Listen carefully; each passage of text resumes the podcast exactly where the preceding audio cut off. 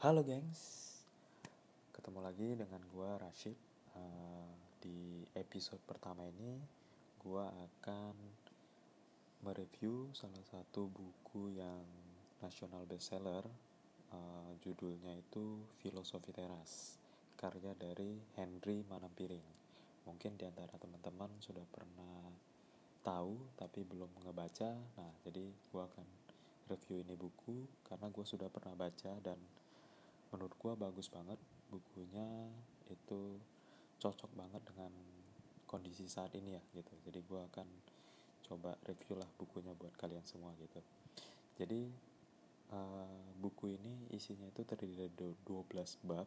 Jadi gue nanti akan bagi uh, ke beberapa episode agar teman-teman enak dengarnya masing-masing bab dapat intinya uh, dan teman-teman bisa fokus juga gitu Oke, jadi kalau dengar filosofi atau filsafat, mungkin teman-teman langsung membayangkannya itu ini berat banget nih bahasanya gitu kan. Uh, eh, gue memahami itu karena gue juga pernah di bangku kuliah uh, belajar mata kuliah filsafat hukum itu memang butuh pemahaman yang sedikit uh, beda lah dibanding mata kuliah lainnya gitu kan. Jadi gue uh, memakluminya lah gitu kan. Apalagi dosennya kadang killer-killer nih kalau yang filsafat ya. Oke tapi tenang di buku filosofi teras karya Henry Manampiring ini beda banget santai banget bahasanya gitu kan. Jadi uh, enjoy lah gitu. Nah sebenarnya filosofi teras ini itu kalau gua baca uh, Henry Manampiring ini terinspirasi dari bacaannya seorang filsuf uh, Yunani itu Ma Marcus Aurelius ya. Jadi dia yang mengenalkan yang namanya filsafat uh, stoicisme atau filsafat stoa uh, nama namanya yang sering disampaikan gitu jadi uh, buku filosofi teras karya Henry Manampiring ini menurut gue sih lebih memberikan arahan kepada kita semua bagaimana nih menjalani kehidupan di tengah kondisi yang saat ini penuh dengan tekanan. Jadi kita berusaha mendapatkan ketenangan jiwa nih di diri kita masing-masing gitu kan. Kita ambil contoh deh di era sosial media sekarang ini itu temen aja kadang bisa berantem gitu hanya gara-gara saling singgung uh, status di sosial media gitu kan. Uh, jadi banyak banget hal-hal negatif yang mengundang kita untuk kadang meresponnya itu dengan emosi gitu. Padahal kita belum tentu tahu kebenarannya gitu kan. Di mata stoa sebenarnya bahagia itu sederhananya adalah manakala kita terbebas dari emosi atau segala rasa perasaan yang mengganggu nih. Maka filsafat stoa itu mengajarkan untuk mencermati empat jenis emosi negatif yang perlu kita jauhi untuk mendapatkan kebahagiaan. Yang pertama iri hati, yang kedua takut, yang ketiga rasa kesal, dan yang keempat itu kesenangan. Dan empat emosi ini menurut gue sering kita alamilah di kehidupan kita sehari-hari ya. Nah, gue akan lanjut langsung ke bab 2 di mana judulnya itu sebuah filosofi yang realistis gitu. Jadi intisarinya sih di bab kedua ini sebenarnya dimulai dengan apa sih tujuan filosofi teras itu? Jadi tujuannya itu yang pertama hidup bebas dari emosi negatif. Seperti sedih, marah, cemburu, curiga, baper, bahasa uh, kerennya anak zaman sekarang ya. Jadi difokuskan untuk mendapatkan hidup yang tentram kita dituntut untuk memfokuskan pada hal-hal yang bisa kita kendalikan. Nah, yang berikutnya tujuannya adalah hidup mengasah kebajikan. Ada empat kebajikan utama nih menurut Stoicisme. Kebijaksanaan, keadilan, keberanian, sama menahan diri. Dari buku ini pun kita bisa ambil pelajaran kalau Stoicisme itu sebenarnya kebahagiaan itu bukanlah tujuan utama yang dicari dalam filosofi ini ya. Karena lebih menekankan pada bagaimana cara kita mengendalikan emosi negatif kita dan mengasah kebajikan. Nah, berbeda nih dengan aliran lainnya ya di mana stoicisme lebih menekankan pada hal praktek dibanding pada hal-hal yang menyangkut ide atau konsep abstrak lainnya gitu nah hal terpenting lagi nih filosofi ini cocok untuk kita semuanya karena siapa pun bisa mempraktekannya tanpa harus bergantung pada atribut seperti kekayaan, prestasi, warna kulit, karir, sampai profesi. Ini yang menjadikan stoicisme sebagai filosofi yang bersifat merangkul semuanya gitu. Jadi sangat inklusif gitu.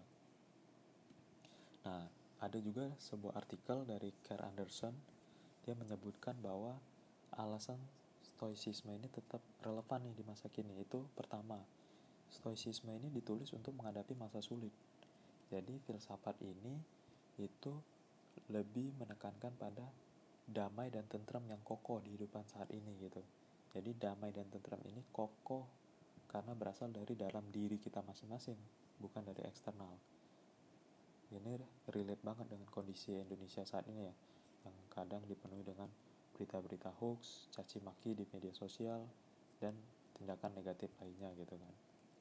Kemudian stoicisme ini dibuat untuk globalisasi. Jadi stoicisme ini mengajarkan persaudaraan universal.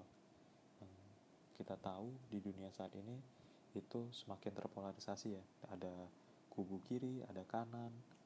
Uh, samalah dengan kondisi Indonesia yang saat ini uh, sangat kental sekali identitasnya, menonjolkan identitasnya masing-masing seperti agamanya, sukunya, warna kulit, dan lainnya gitu. Dan yang ketiga, stoicisme itu adalah si filsafat kepemimpinan.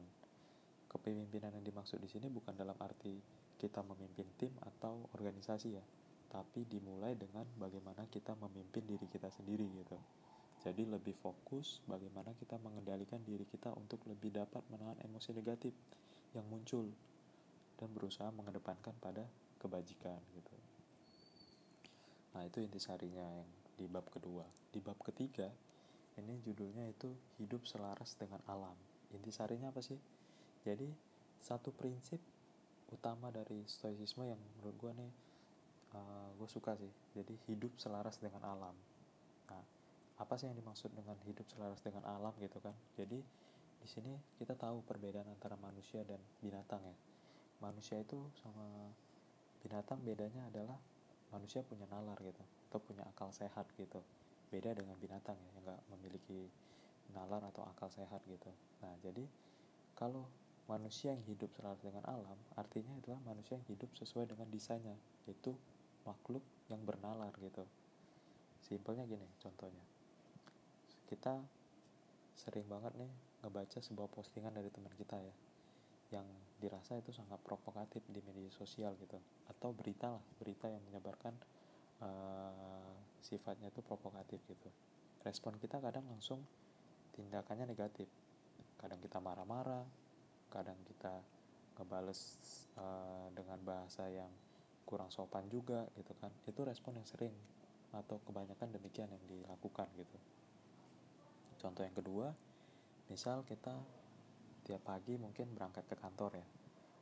Karena pagi kita tahu bahwa kondisinya pasti jalanan itu penuh atau ramai.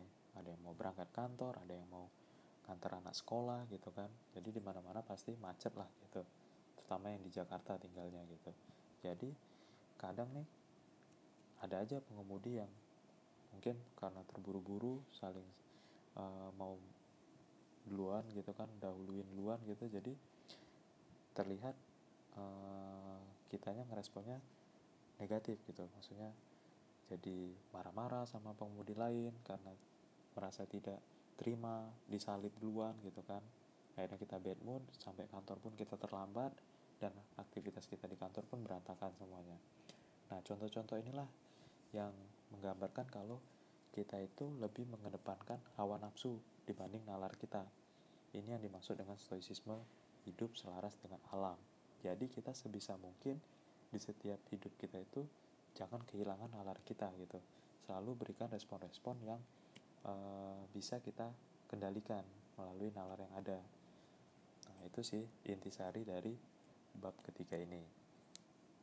Nah demikian mungkin uh, di episode pertama ini gue masih ngebahas uh, dari segi kulit-kulitnya lah terkait apa itu filosofi teras atau filsafat stoicisme gitu kan.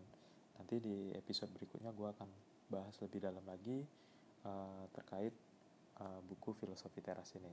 Oke terima kasih guys. Uh, tunggu di episode berikutnya. Dadah